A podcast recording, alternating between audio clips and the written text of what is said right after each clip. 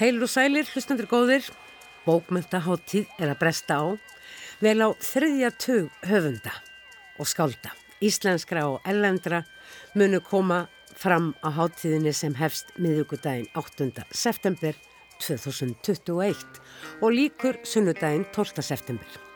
Heimahafnir bókmyndaháttíðar verða að vanda í Norrannahúsinu annarsvegar og í Yðnó hinsvegar. Á daginn verður rætti einstaka höfunda í Norrannahúsinu en á kvöldin lesa höfundarnir upp og ræða saman um umfjöldunarefni sín og efnistök. Sankölluð bókmynda veistla framundan. Að því tilefni verða hér og eftir revjuð upp viðtöl og umfjallanir um einhverja af þeim rúmlega 20 höfundum sem eru gestir hátíðarinnar af þessu sinni. Í síðara hluta þáttarins verður svo hugað að höstverkunum og haldið áfram að skoða bækurna sem tilnefndar eru til bókmyndavelluna Norðurlandaráns. Að þessu sinni eru það tilnefningar Dana til hérna gamalgrónu velluna. Danir hafa oft verið nokkuð djarfir í tilnefningum sínum og líklega má halda fram að svo sé einning nú. Úrsula Anker Olsen hefur þó lengi verið í hópi áhrifamestu ljóðskálda landsins. Hallað Þóllaug Óskarstóttir er búin að lesa ljóðabók Úrsulu mitt smukkiskrín og segir nánar frá henni undir lok þáttar.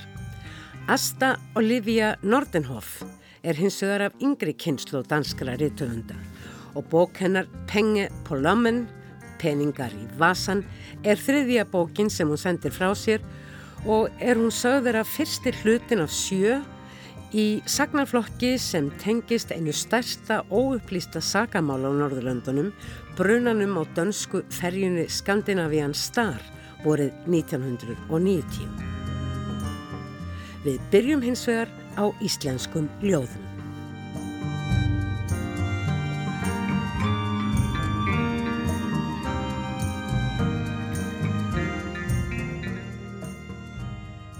Loksins, loksins eftir svo langan tíma eru skáltekin að koma saman og bjóða til ljóðakvölda á ýmsum tímum dags þó.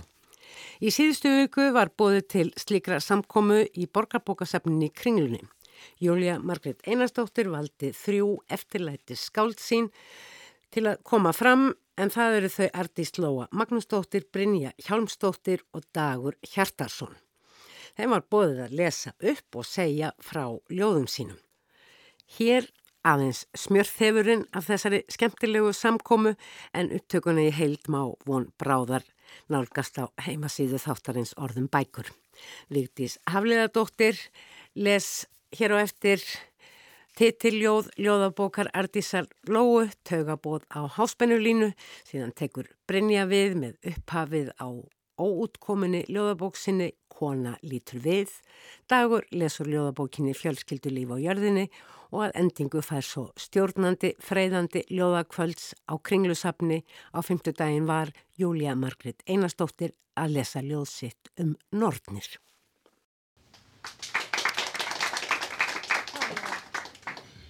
Já, komið sæli, þetta veit ég svo fæ að vera, ég er hyrðlesarinn ennar artísar, ringir í mig þegar þarf að lesa bljóð og ég gerir það alltaf af mikill ánægu til ljóðun ennar eru svo falleg. 13. Líkaminn er þaninn fylustrengur, taugabóð á brakandi háspennulínu. Strengtir þræðir gegnum fæturna, háls, lófa, stjagsett tunga. Þitt eigið tónverk. 24.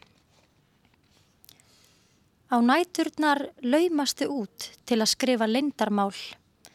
Heggur múrstein fyrir múrstein með ottkvössum steini ristir sögu hinn að þvoglumæltu, sögu hinn að málusu í veggi heimsins.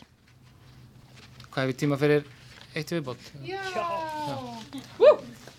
Uh, þetta heitir leiðbenningar, leiðbenningar á dögun og þetta er, uh, út af að ég var að tala um Sigur Pálsson, mér finnst þetta svona, um, ég las einu sinni öllu, skömm eftir hann fjall frá, las ég öllu, alla bækundar hans bara á einni helgi og hérna og þá svona hlóðst ég eitthvað orku og ég held að þetta hafi verið skrifa eh, eitthvað eftir það en ég held að það svona svo orka hafi verið ennþá að svona Sigga Páls orka að, le að leita út þannig að mér finnst þetta aldrei svona hanslegt en auðvitað eh, í öðrum geðaflokki. Leðbenningar á dögun. Láta augun opnast. Láta vatnið í kaffikönnunni hitna. Láta böndin úr sloppnum lafa eins og fána á bensinstöð. Láta það vera bensinstöð í litlu þorpi út á landi. Láta aðalgötuna í þorpinu vera mannlausa. Láta hljóðið úr kaffikönnunni minna á nývaknaðan hest sem frýsar til að losa martröð úr líkamannum. Láta ekkert gerast. Láta bíl keir eftir götunni, inn þorpið, í átta bensinstöðinni. Láta bíljósin minna á hvernig sólinn mistýgur sig yfir fjöllin. Láta kaffið í botlan. Láta hestin styggjast og grípa skeið upp hlýðina. Láta böndin úr sloppnum bærast í vindinum við bensinstöðina. Takk fyrir. Bókin er eiginlega svona sprettur upp á svona biblíuvísun. Það verður nú ekki eiginlega hátilegur en það. En já, hérna, ég ætla kannski bara að lesa samt úr fyrsta hlutana sem heitir Óramæðurinn. Óramæðurinn. Veran tekur í húnin hér er læst. Henni er meinaður aðgangur. Kórin svífur yfir gáttinni syngur, því miður varst þú ekki fyrir valinu. Verkefni stjórnar var ekki auðvelt. Fjöldi manns sótti um. Verkefni stjórnar var ekki auðvelt en hún hefur engu að síður komist að niðurstöðu. Því miður varst þú ekki fyrir valinu. Við hvetjum þig til dáða, við hvetjum þig til að sækja um að nýju, hvetjum þig til dáða og tilkynum hér með að því miður varstu ekki fyrir valinu. Þær drekka melónuvín á mornana í hannirðabúðinni í Grímsbæ. Sauma bútasömskaninur með lavandi augu í heilagri þögn með kamellæts í munveikinu. Gröfina sem þar grófu í bakgarðinum fylgtu þær með dömunarbuksum, kalúna vulgaris og fugglabeinum fyrir hínadrekana sem eru tjóðræðir í Svefnarbergjum. Þær myndu þannig sama kraft og þegar börn fæðast og þegar tungl springa og þegar kvalir tala. Þær drekka melónuvín á nóttunni og dansa berrasaðar í kringum Grímsbæ. Páagöggarnir og aukslum þeirra kroppa í eirun og kvísla sádati. Þetta endar allt hér.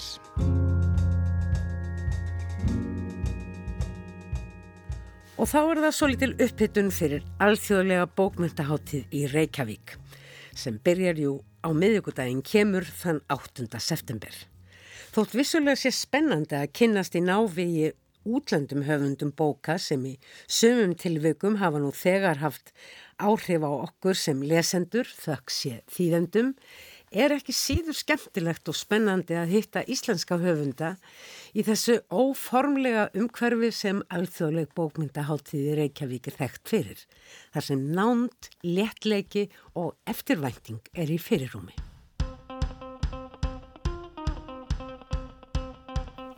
Og það verða svo margir höfundar á bókmyndaháttíð. Suma þekkjum við, aðra kannski alls ekki. Á alþjóðleiri bókmyndaháttíð Reykjavík er nefnilega svo kjörið tækifæri til að kynnast nýjum höfundum sem og að endur nýja aðdáðan á gömlum vinum sem hafa fyllt manni gegnum tíðina. Aldursforsetin að útgáfu reynslu og árum er öruglega Þórarinn Eldjátt sem nú er gestur bókmyndaháttíðar í þriðja sinn. Nýjasta bók Þórarins kom út fyrir tveimur árum, ljóðabókin Til í að vera til og öruglega mun hann lesa upp úr henni. Eh, ég ætla að vinda mér í að lesa dálítið úr þessari bók. Eh, fyrstu vísurnar ymsar þær fjalla allar um það að yrkja eða að vera að þessu yfirleitt. Og fyrst er hér að yrkja. Vel fellur mér vinnan, vaksa myndir strammans Ég uni mér best innan óþægenda rammans. Næsta heitir orð. Það er ekkert holdt að yrkja, þó einhverji telja það styrkja huga og hönd og háflega önd. og vannittar öðlindir virkja. Í miðri bókinni er dálítið um hlaup og jafnframt kemur þar vísan sem e, bókin sækir titilsin í til. Þegar glóandi geyslaspil glitrar um bæjarþil er ég til í að vera til og teiga vorsins yl.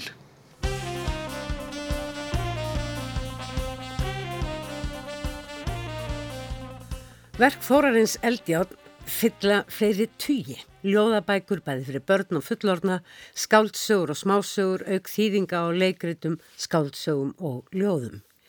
Manni finnst samt eins og ljóðið sé það bókmyndaform sem Þórarni er hvað samvaksnast. Já, ég held það nú sko að auðvitað ég byrjaði eh, sem ljóðskáld og fór síðan yfir ég að skrifa smásögur og loks skáldsögur og það hefur nú löngum verið svona ekkert þróunaferli sem hefur verið hjá íslenskum höfundum að, að það byrja með ljóði farið í smásögur og svo loks yfir í þetta eina sanna sem er að skrifa prósa og skrifa skáldsögur. En ég hef auðvitað farið þessa leiðin, ég hef aldrei sleft ljóðinu. það var kannski tímabil þar sem að leið mjög langur tími frá því að uh, ljóðabækur kom út. En aldrei uh, lagt það frá mér mm. og haldið áfram að gefa út ljóðabækur Svo verður og vonandi ennum hríð og það verður líka spennand að sjá við hvern hinna erlendi höfunda þórarinn mun eiga stefnumót við á sviðinu í yðnú. Engvern veginn dættu mér í hug að þórarinn og sírlendingurinn Khaled Khalifa gætu átt áhugavert samtal. Diggir lesendur bóka í áskrift hjá forlæginu Angustúru sem endar fagnar fimm ára afmæli sínu um þessar myndir eru öruglega afar spenntir að hitta Khaled Khalifa á bókmöndaháttíð eftir að hafa lesið bókans Dauðin er barningur í þýðingu Elísu Bjarkar Þorstensdóttur.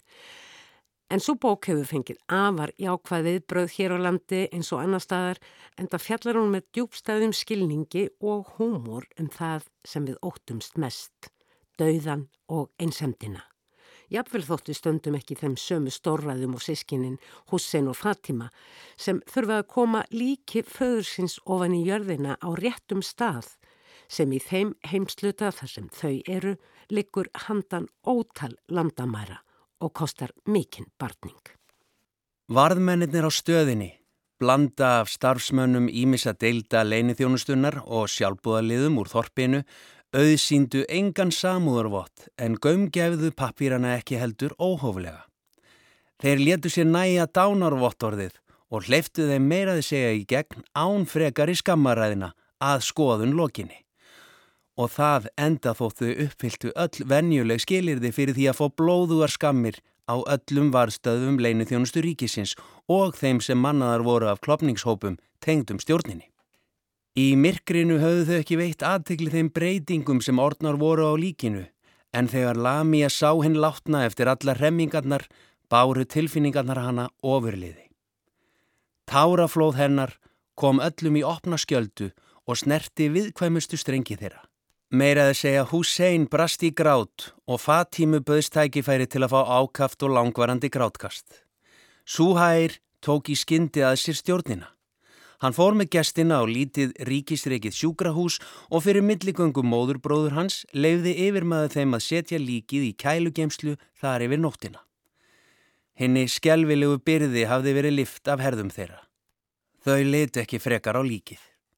Þau óttuðust að hefði leist svo mjög upp að það skipti engum máli hvort þau eruðu sammála um að dísja það í einhverju hólu eða skilja það eftir til átu fyrir villihunda.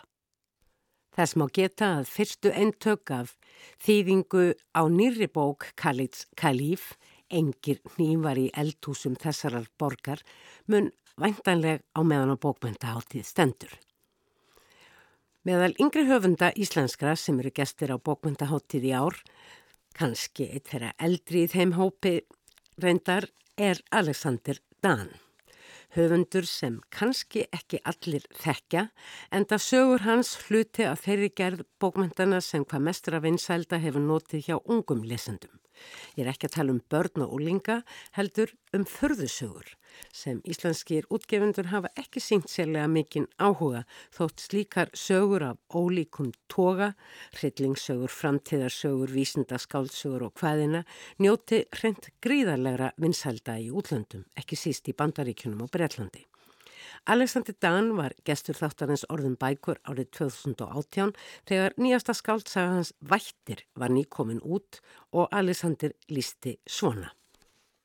Þetta er uh, Reykjavíkusaga, myndi ég að segja. Þetta skrifa sig kannski svolítið inn í þessa, þennan geira í íslenskum bókmyndum sem er hérna, unga, unga fólki í Reykjavík að reyna að fóta sig og átta sig á til, tilgangnum og svo leiðis.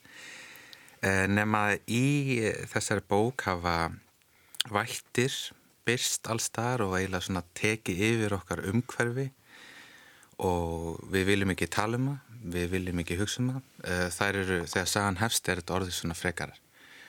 Eðlilega óeðlilegt ástand og eh, við vitum ekki af hverju þetta er að gerast, bara eins og reyfur upp á hálendi, veit ekki af hverju allt í henni dalur hefur orðið að stöðuvatni umhverf okkar breytist bara og við verum einhvern að bara fyrir okkur áfram í þessu nýja heimi.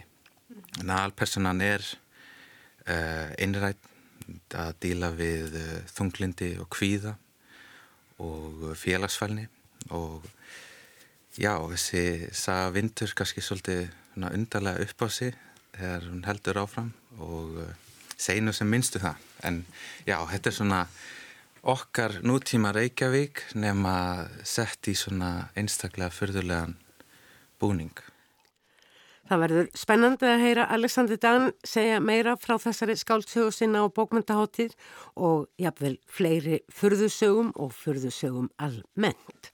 Talsvert yngre en Alexander er svo Marja Elisabeth Bragadóttir sem vakti gríðarlega aðtegli í jólabókaflóðinni fyrra með sagnasafni sínu Herbergi í öðrum heimi sem hún mætti með á skáldafund viðsjár fyrir jólinn í fyrra. Já, þetta er um alltaf smásögur og mér finnst þetta að vera svolítið ólíkar en ég skrifa dálitið um ungd fólk og Ég skrifa um sambönd barna og foreldra, líka uppkomina barna og foreldra og svo skrifa ég alltaf um börn, mér finnst -hmm. bara eitthvað, barnaskan verið eitthvað svo svona döla fullt æfiskeið einhvern veginn og, og svo skrifa ég um já, bara einhverjá svona einmitt þrá eftir tengslum og, og að hérna eftir nánd, ég, ég veit ekki alveg, kannlega ég var að hugsa um að hérna, lesa smá brot úr sögu sem heitir Mannleysa og er önnur saga í safninu og þetta er að saga tvekja barna en í frá fyrir eitthvað ólíkum heimilum og þau heita hérna uh, Þórun og Marino Sofía, mammans Marinos og Marino flytja í blokkina til Þórunar og hann er sagað um vináttu en vináttu tvekja barna það er umdurleikandi svona stærri lífsbyggileg spurning. Mér langaði svona að skrifa um kannski um heilindi og, og, og hvað fælst í því að vera sönn og alvöru manneska ef, ef svo móðu komast, en já, ég ætla bara að lesa Mér leið eins og hamingjusum og einarðu smábarni kjagandi skref stutt og kófsveitt á bakina á leiðin í sjoppuna. Í skíni ljósastöruna var skóllit að hárið á pappa silfrað og útur okkur feðginunum stóðu gufuski í myrkrinu. Pappi var í kragalösum leðurjakka sem var í uppáhaldi á mér. Mér langaðan fengið sér fleiri gæjaleg född, til dæmis hettupeisu, svo hann erði unglæri. Mér til mikillar gleði var engin í sjóppunni fyrir utan Sofí og Marino. Þetta var í fyrsta sinn sem ég fór með pappa á vídeolegu og ég var feiminn fyrir hans hönd. Mér fannst hann ekki passin í umhverfið. Hann virtist svo gamall, vísin og umkomulegs og millir spólurekkana og undir gljáandi plakkutum af hálfberum konum sem mynduðu skambissur. Ég vafði handleggjum um fótlegin á hann um svo nætti erfitt um gang. Pappi hálf rasaði að búðarborðinu. Bak við þess að Marino sem flegði frá sér andresblæðum leið og hann sá okkur. Pappi bað Sofí um eina með öllu þó að við værum búin að borða kvöldmatt. Sofía var með rauða flaujilisböngi hárinu og hlóa meðan hún veitti pilsu búr gulleitum vökva og stakk í brauð. Böksunar hennar voru grænar með kamúflasmunstri og hengu lausar rétt ofan við lífbennið. Refa milli hættupeysunar og buksnastrengsinn síndi mjölkur hvita rönd af berri húð. Ég horfi í leiðslu á glitrandi litla silfurkúli við naflan á henni. Sofía dundaði sér lengi við að setja sinnebið á pilsuna og þegar pappi tók við henni fór hann að hlæja. Hún hefði skrifað nafnið hans með sósunni eða svo langt sem pilsan náði, Eyjó. Ég fekk trúða ís með blári hættu og smartísnefi. Á heimleðinni söðaði ég í pappa gera þetta hefð og ég sá að hann brósti eirnan á milli.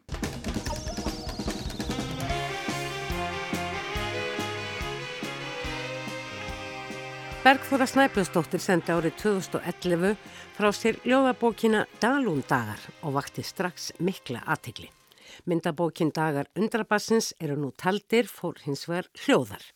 Árið 2017 kom svo ljóðsagan Flórida eftir Bergþóru sem fjallar um utangarsmenninsku Berlín og 2019 skálsagan Svinshöfuð sem fjallar að sínu leiti líka um utangars fólk og voru báðar þessar bækur tilnemdar til íslensku bókmyndavellunana og Flóríta aukin heldur bæði til mæstjörnunar og fjöruvellana. Tittlar begja þessara bóka eru mikilvægir svo ekki sem er að sagt því það hefði beinleginis engin bók orðið til ef þeir hefði ekki verið. Bergþóra var fyrir stuttu gestur í þættinum Svona er þetta.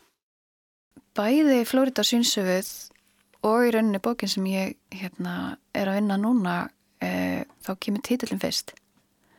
Og svo fer ég að hugsa hvaða bók heitir þetta? Mm. hva, hva, um hvað væri bók sem að ber þennan títill og þá eftir einhvern veginn opnast eitthvað svona aðeins ég veit ekki, við, við tækara en svo sess maður alltaf niður og þá einhvern veginn tekur, sko breytist breytast all plön eða það einhvern veginn allt í nærmar ekkert innblásin af því sem maður held að maður ætla að fara að skrifa og, og fer að gera eitthvað allt annað og þannig að efni tekur svona yfir líka sko. Já. en mér, mér finnst mjög mikilvægt að vita samt svolítið hvað ég er að fara að gera að mæta ekki hérna auðu eh, síðinni þú veist, hérna opni ekki bara tómt Google Docs skjál og hugsa já já, hvað ger ég nú? Eða svona, veist. Þannig að hérna, ég hef búin að vinna miklu undirbúinsvinnu yfirleitt áður en ég fer að skrifa.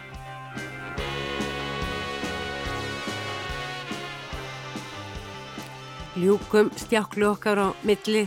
Sömur að þeirra höfunda sem eiga eftir að skemta okkur já eða ára á bókmyndaháttíð 2021 á því að heyra gerði Kristníu lesa tvö ljóð úr allra fyrstu ljóðabóksinni Ísfrétt.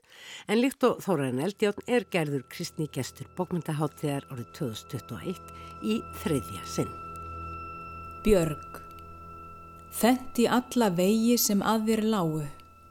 Snjóðhungt liggur landið að líkamaðínum, heimur gerður til að halda þér uppi. Jafnvel hér finn ég auguðín flúra á enni mitt. Engu er lokið. Þá bregði ég nýfi að hálsi barna minna. Svo flegi ég mér fram að fegurðinni.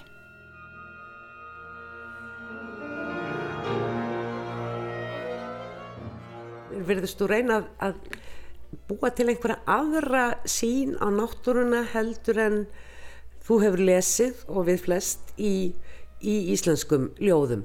Þetta er bara mín sín á, á náttúruna. Ég var upptekinn af, af, af hérna, hvað, var, hvað hún er hrikaleg og hættunum. Þegar fólk hvað fennir inni eða, eða dettur hún í gljúfur og gjótur og, og mér fannst það að vera tilvali til að lýsa vissum tilfinningum. Ættjarðarljóð Kuldin býr mér hýði úr kvíða færir svæðil úr dúnmjúkri drífu undir höfuð mér. Snjóbreiðan, voðað vefja um sig. Ég legði eirun við brestum í ísnum í vonum að heyran hörfa ef ég vissi ekki að ég frisi föst. Ísin sleppir engum. Landið mitt, útbreytt bana sæng, nafn mitt saumað í hélað verð.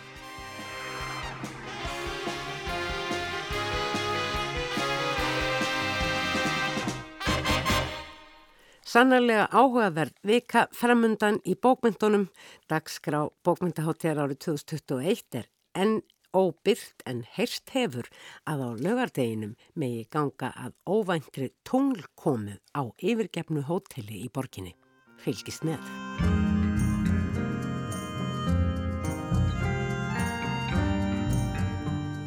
Í ár tilnefna Danir til bókmyndavelunum Norðurlandaráðs ljóðabókina Mitt smukkiskrín eða Skartgripa skrínið mitt eftir Úrsólu Anke Olsen og stuttaskaldsögu með stórum titli Skandinavian Star del 1 Penge på lommen eftir Ástu Olífíu Nordenhof.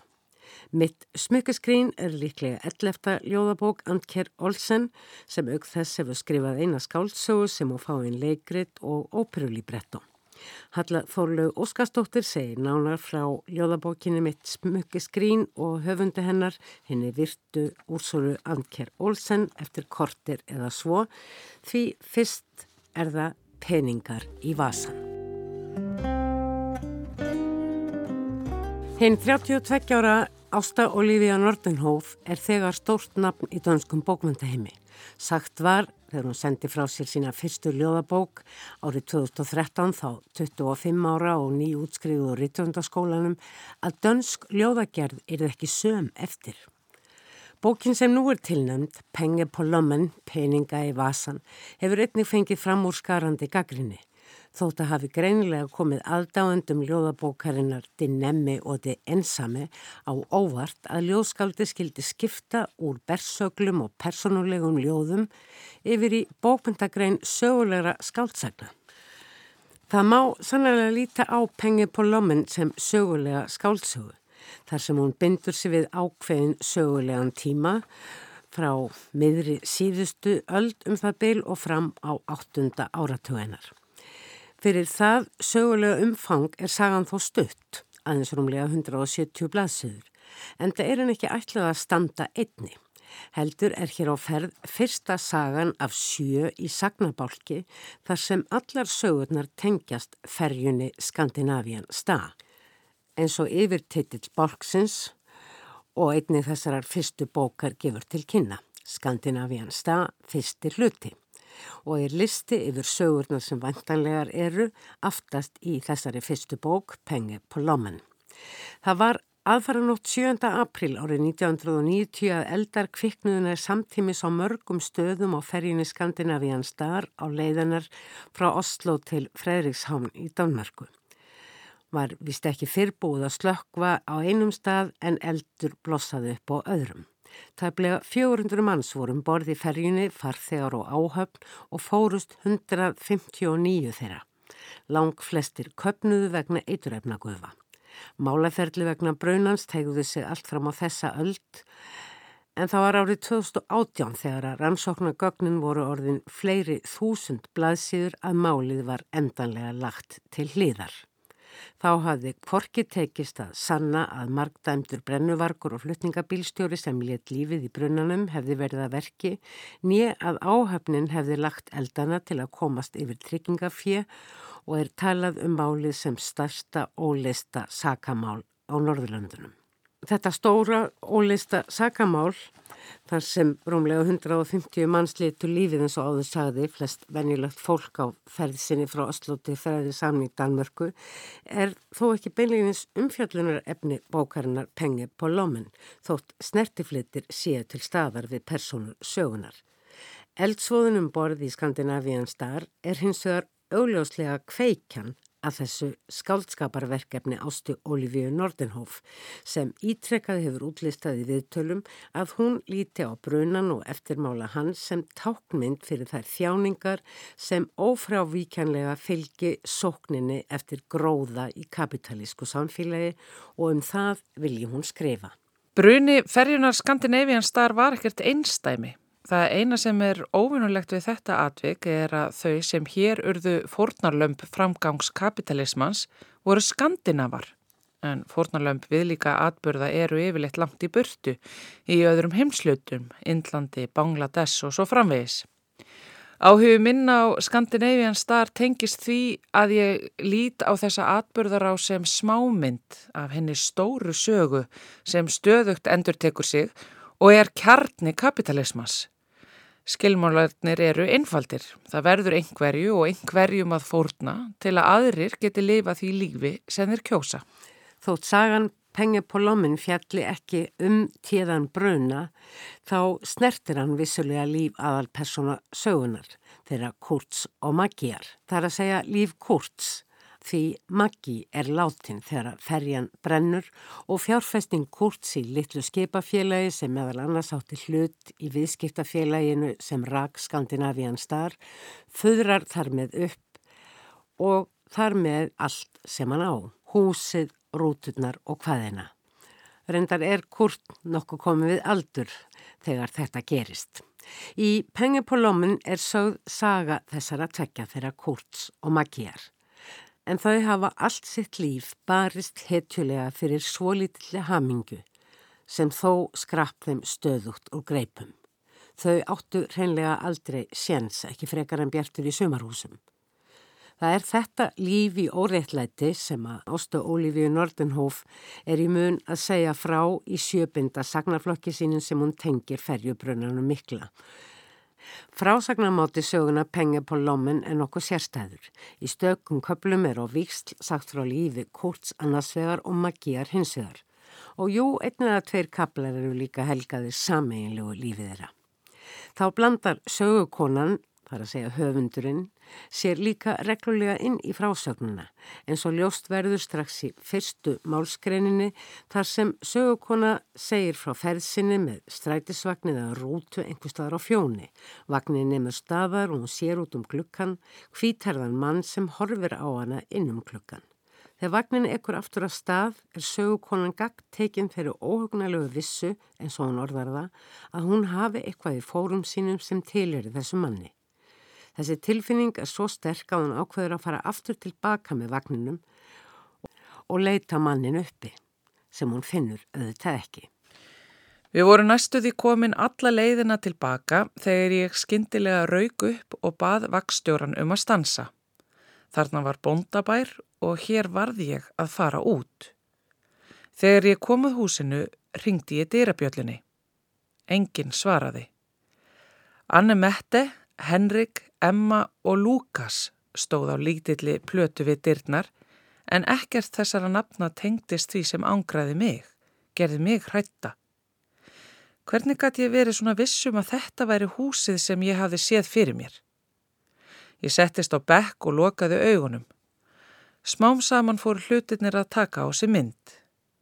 Þarna hinum eigin hlítur verkstæðið að hafa verið en síðan verið rifið og þarna stóð hesturinn Törner. Kurt, hann heitir það. Hann lítur að hafa rekið fyrirtæki en ekki fyrir en sent í lífinu og fann sig aldrei í því hlutverki, fannst það ógna sér. Tveir menn eru í vinnu hjá Kurt, Lars og Fatih. Á nóttunni eru vekkirnir slettir og þögulir, mýflugurnar sveima um, rúturnar eru inni á verkstæðinu. Rútufyrirtæki Kurts. Það er einfallega nafnið á fyrirtækinu.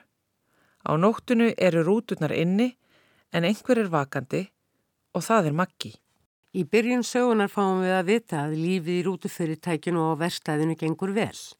Kurt og hans menn kunna á mekanik en Kurt kann ekkert á tilfinningar, hvorki sínar nýja konu sínar. Rendar er þau Maggi og Kurt ekki gift eins og síðar kemur í ljós. Það glemtist greinilega í erlinum við rekstur fyrirtækisins sem, jú, gengur vel en hjónalvið gengur ekki eins vel. Aðal áhyggjaefni Kurts er hvað hann skuli gera við peningana sem streyma að honum. Einhver segir hann eiga fjárfesta en ekki geima sælanin í rúmdíninni. Maggi veit ekkert um peningana en það er henni þegar að hér er komið sögu alveg sama hvað Kurt gerir. Um leið og hún leitar stöðugt að ástæðinu fyrir því að þau skuli eiga sameinlegt heimili og fullorna dóttur sem farin er að heiman og minnist að einhver tíma hafi eitthvað verið til sem hún nefndi ást. Hvað er ást? Maggi lítur á mig úr andlitinu skín bæn án orða, eins og form bænarinnar sé það eina sem er eftir, djöfulegar útlínur án innihalds. Ég veit það ekki, Maggi. Segð þú mér. Maggi getur ekki svara þessari spurningu sögukonunar. Þau hittust á vertshúsi, hún og Kurt, drukku og skemmtu sér. Kurt átti þá eiginkonuna Ullu sem var búin að fá nóg og hafði beinleginns farið fram á að hann fengti sér aðra til að deila rúmi með. Maggi verðist heppileg, hún er fjör og til í tuskið og Kurt er laglegur og dansar vel. Fyrir en varir er Maggi flutt inn hjá Kurt og Ólu sem augljóslega beður þau svo fljótlegum að fara. Þau þvælast um, milli íbúða og vinnustada, þar til þau setjast að á bondabænum og fjóni sem sögukona sá fyrir sér. Og áfram þéttast myndirnar að lífi Kurts og Maggiar. Í ljós kemur að Kurt ræður stundum ekki við sig, hann hrindir Maggi, rækir á hana, sér vissulega alltaf eftir því, yðrast sárlega, elskar hana svo heitt. Þegar Maggi svo verður ófríska dótturinni Sófi heldur hún að þessu linni, en það gerist ekki. Allt eru þetta kunnuleg þrástefi í ofbeldi sambandi sem með tímanum gerir þann aðilan sem verður fyrir ofbeldinu dofin og áhuga lausan, sem síðan verður ríkjandi ástand á heimilinu, ásamt þessari óljósu minningu um ást. Ást sem vissulega bæði þrá að grafa fram á ný og gæti kannski bjargað, en Maggi og Kurt tekst það ekki.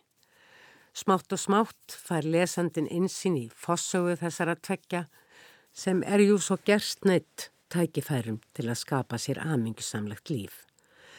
Maggi gekk aldrei vel í skóla. Vannmáttur hennar var algjör þegar í reiknistíma í barnaskóla átt að yfirfæra fjölda bauna í skál í óhlutbundnar tölur. 14 ára var hún reikin að heiman. Einstað móðurinnar kemur að henni og skólafélagi í samförum og hefur ekki vit eða aðstæð til að bregðast öðru vísi við en að skipa henn að fara. Maggi fer og það fyrir illa. Hún er á eilíum ferðalögum um Jótland, hún fer til Bellina, til Köpnafna, meir sér til Rómar. Eina staðfesta hennar og aðferð til að lifa af er að sofa hjá og auðvitað gerur hún það ekki ókeppis. Peningar eru það sem skiptir máli. Hún hefur ákveði vergildi, það er ljóst. Allir þessir karlmenn með sína reiksugur og lúðalegu hunds andlitin. En hvað annað gæti hún gert? Ráði sig í vinnu í versmiðu, stimpla sig inn klukkan fimm. Það myndi aldrei ganga. Hinn almenni vinnumarkaður var ekkert fyrir hana. Hún þurfti inn á millistundum heilan dag til að gráta eða liggja á grasflött og láta vökva sig með óta. Hún gæti aldrei mætt á réttum tíma. Það var ekki til vinnustadur þar sem hún nýttist og auk þess, ef hún skildi nýtast, vildu hún sjálf geta ákveðið hvernig. Að minnstakosti geta tali sjálfur sér trúum að svo væri. Í hennar stöðu núna getur enginn rekið hana. Hún hefur þrísvar sinnum verið rekin strax að loknum fyrsta vinnudegi. Tvísvar sem barnapíja og einu sinni sem afgræslustúlka í búð.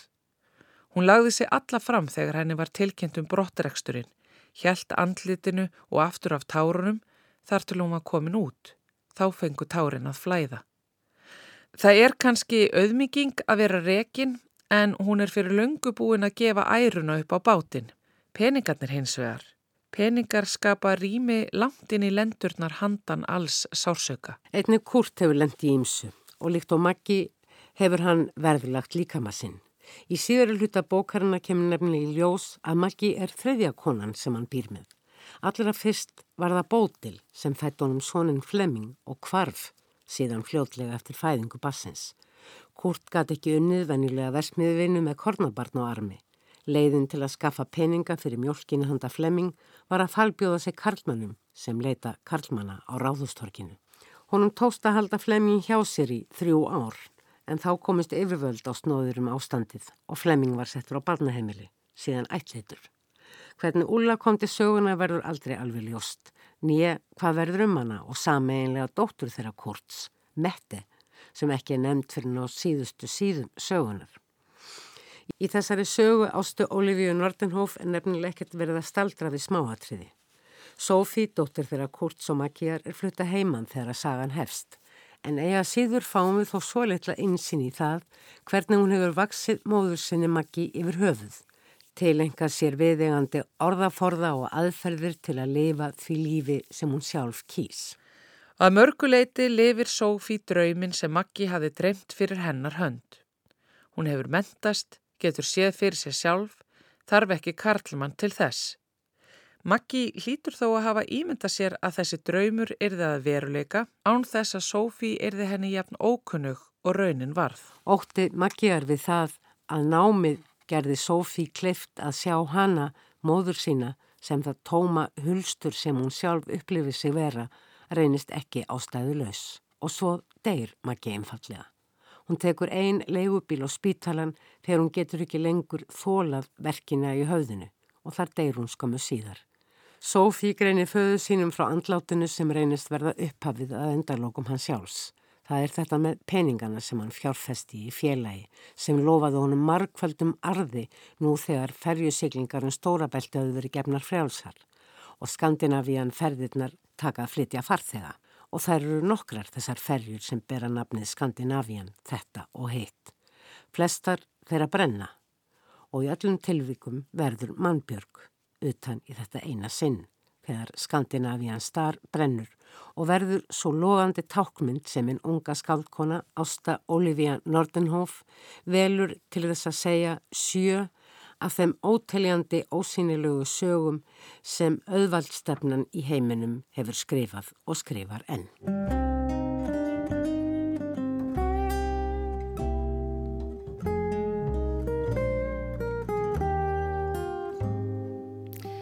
Breytingaskeið. Mér finnst það svo fallegt orð. Breytingaskeið. Ef maður pælir í því er í raun fáránlegt að það er að vísa til einhvers ákveðins tímabils í lífimanns eða lífi konu. Því lífið lítur að vera í heilsinni eitt stort breytingaskeið. En þið viti hvaða tímabil áttir við með orðinu. Við eigum líka annað orð yfir sama tímabil. Tíðakvörf. Líka fallegt finnst mér bein tenging við tunglið og öldurnar og krafta alheimsins. Breytingaskeið og tíðakvörf, tvö falleg orð yfir áhugavert tímabill. Samt er ekkert mikið talað um þetta skeið. Ég hef aðeins orðið vör við aukna umræðu síðustu misseri. Ég sá til dæmis áhrifareikt sviðsverk eftir Lóvísu Ósk Gunnarsdóttur fyrir um það byl ári síðan þar sem hún fjallaði um breytingaskeiðið og svo voru útvarsættir hér á ráseitt um sama efni, ekki alls fyrir löngu. Líkt og með kynþróskan eru konur á mismunandi aldri þegar þeir fara gegnum tíðakvörf, en meðalaldurinn er 51 árs. Úrsula Andkja Olsen er fætt árið 1970. Hún verður 51 árs í november. Ljóðubók hennar, mitt smukkaskrín eða skartgripaskrín mitt, er annað tvekja framlaga dana til bókmyndaverluna Norðurlanda áraðs í ár. Úrsula hefur gefið 12 ljóðabækur frá árunni 2000 og eina skaldsögu. Ljóðabók hennar Hafið er en sen, Hafið er svið, var tilnæmt til bókmyndaverluna Norðurlandaráðs árið 2009. Árið áður hafði hún reyndar fengið tónlistarverlun Norðurlandaráðs eða svo gott sem. Það var reyndar tónsmiðurinn Peter Brun sem hlautverlunin fyrir óperuna Mickey Alone, Seven Songs for a Mad Woman, en Úrsula skrifaði sem sé textana, svo hún á eitthvað í verlununum. Ég hef ekki lesið aðrar bækur eftir Úrsulu en í raukstuðningi domnemdar er verkum hennar líst þannig að hún flétti þar saman margvísleg stef og þætti svo að það minnir á uppbyggingu síkildra tónsmíða. Það er kannski engin tilviljun þar sem hún er með masterskráðu í tónlistarfræðum, auk þess sem hún er mentuð í heimsbyggi og reitlist. Hanna dreymdi reyndir alltaf um að verða píjánuleikari, en sýstir hennar tók það hlautverk að sér. Í viðtali hjá vefvarpi danska Louisiana Sapsins segist Ursula Andkja Olsen hafa lesið mikið í æsku. Hún segist hafa verið mest hrifin af fantasíubókum en það hafa ekki verið nægilegt frambóð af þeim þegar hún var lítil.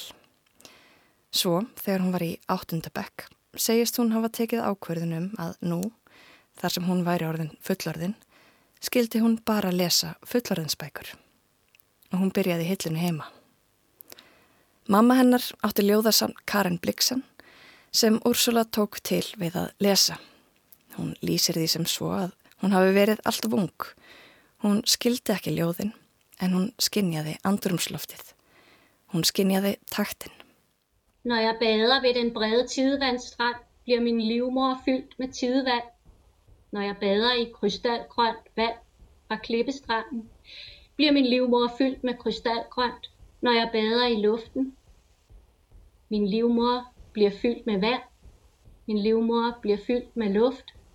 Min livmor bliver fyldt med ild. Min livmor bliver fyldt med jord. Alt det jeg ikke kunne ønske. Alt det jeg ikke kunne ønske. Alt det jeg ikke kan ønske. Hér heyrðu við Úrsulu Ankja Olsen lesa brotur bókinni Mitt smukjaskræn, skartgripaskrín mitt. Og eins og heyra mátti er bókin seiðandi í upplestri, dálitið eins og tónlist. Bókinni er skipt neyður í sjö kabla sem aðskildir eru með ljósmyndum dönsku myndlistarkonunar Sofíu Kalkás. Fyrir hvert kabla er eins konar formáli, eitt ljóð í aðeins öðruvísi takti en hinn. Nær því að vera prósaljóð, eins og lýsing á draumi. Svo kemur ljósmyndin og síðan hefst kablin. Þótt hvert ljóð standi eitt á sér, þá er þetta óhjákvæmilega ein held. Einn ljóðabolkur, skarkrepaskrín. Og þessi ljóðabolkur er samsettur af ótalþráðum og hugmyndum sem eru listilega opnar saman. Það gefst því miður ekki tími til að greina alla þræðina í þessum pisli því þeir eru ólíkir og þótt ljóðin séu stutt og skórinorð þá likur heil hugmyndafræði á baku hvern þessara þráða. Ég ætla því að velja einn þráð sem er svo stærsti til umfyllunar. Móður hlutverkið og missir hafa verið miðlæg í verkum úrsólu síðasliðin áratug en hér nálgast hún umfyllunarefnið út frá nýju sjónarhorni, nafnilega breytingaskeiðsins. Hvað er kona eftir breytingaskeiðið og hvað er kona fyrir breytingaskeið? Hún fjallar um líkamlegar breytingar og hvernig leið er tómt. Allt í einu svo áþreifanlega tómt þegar ljóst er að það verður ekki fyllt á ný. Ljóðin fjalla um það að missa hlutverk, að missa tilgang, að missa frjósemina, að verða aftur stelpa. Jeg er så ensom að það gött mæ til mæ. Ég er svo einmanna að það gerir mig að mér. Það er áhugavert hvernig hún tengir breytingaskeiðið kynþórskanum, eins og þar verði einhvers konar afturkvarf. Öfugur kynþórski. Hún segist að hafa upplifað dauðan, móðurinn er dáin, hinn frjóa kona er ekki lengur til. Hún er aftur orðin stelpa.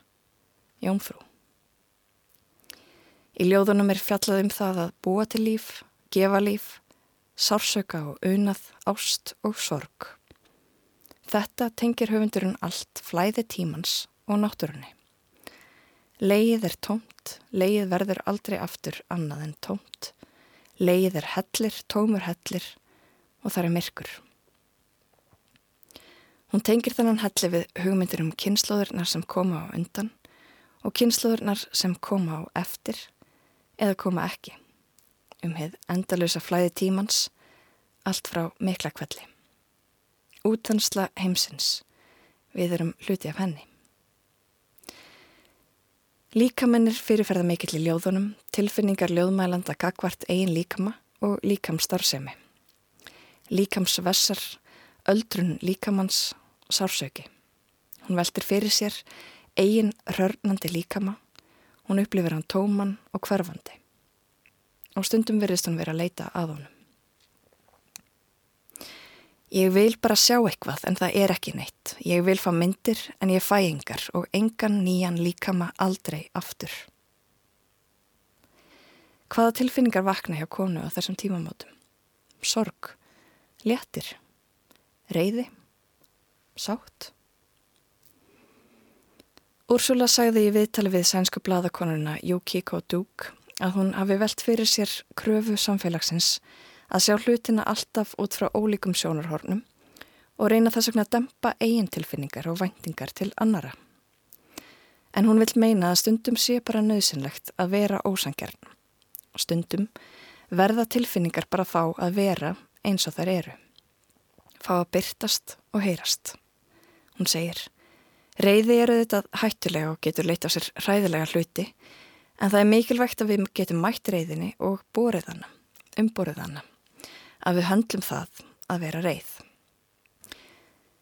Síðar í sama viðtali sem fjallar um bókina sem hér er til umfyllunar, talaður um þróun ljóða hennar og bladakonan segir að sér finnist eldri verk hennar einkennast af mörgum röttum en með tímanum sé eins og þeim hafi fækkað. Hún spyr Úrsulu hvort þessi þróun haldist í hendur við hennar eigin þróska og það að eldast. Hvort þessi orsakasamhengi þar á milli. Úrsula svarar að hinn margrata hljómur eldri ljóða hennar komi hugsanlega frá tónlistarbakrunni hennar. Hún hugsi í röttum en svo nefnir hún aftur þetta með sjónarhornin. Að hinga til hafi henni liðið eins og öll sjónarhorn ættu alltaf að koma fram. Ef eitt verði skrifað þá að ég hitt að skrifa líka.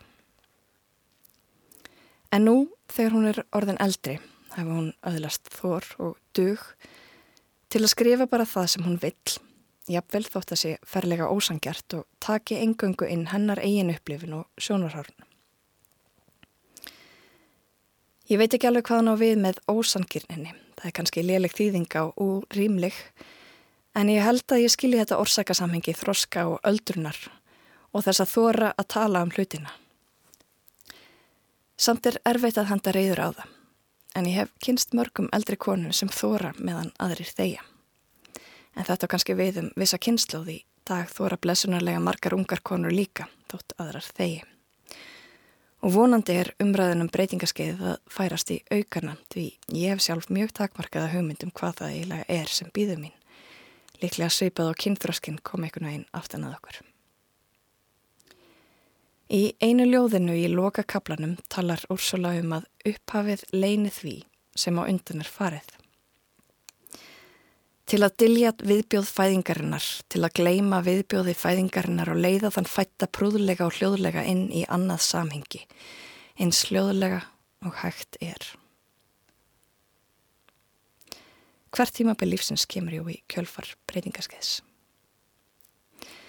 Mitt smukeskræn eftir Úrsulu Ankja Olsen er taktförst segðandi ljóðabók þar sem umfjöldunar efnið er móðurhlutverkið frá nýju sjónarhorni, höfundur veldur upp áleitnum og óþægilegum spurningum um líkama hvenna og setur einsta kjarnan í líkama hverjar konu, leið, í samengi við útþenslu alheimsins sem í sjálfu sér gefur auga leið.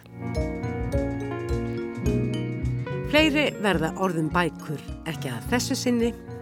Tæknumenn í þessum þætti voru þær Lítiða Gretarsdóttir og Úlfildur Eistensdóttir. Gleðilega bókmyndaháttíð í vikunni. Takk fyrir að hlusta. Verðið sæl.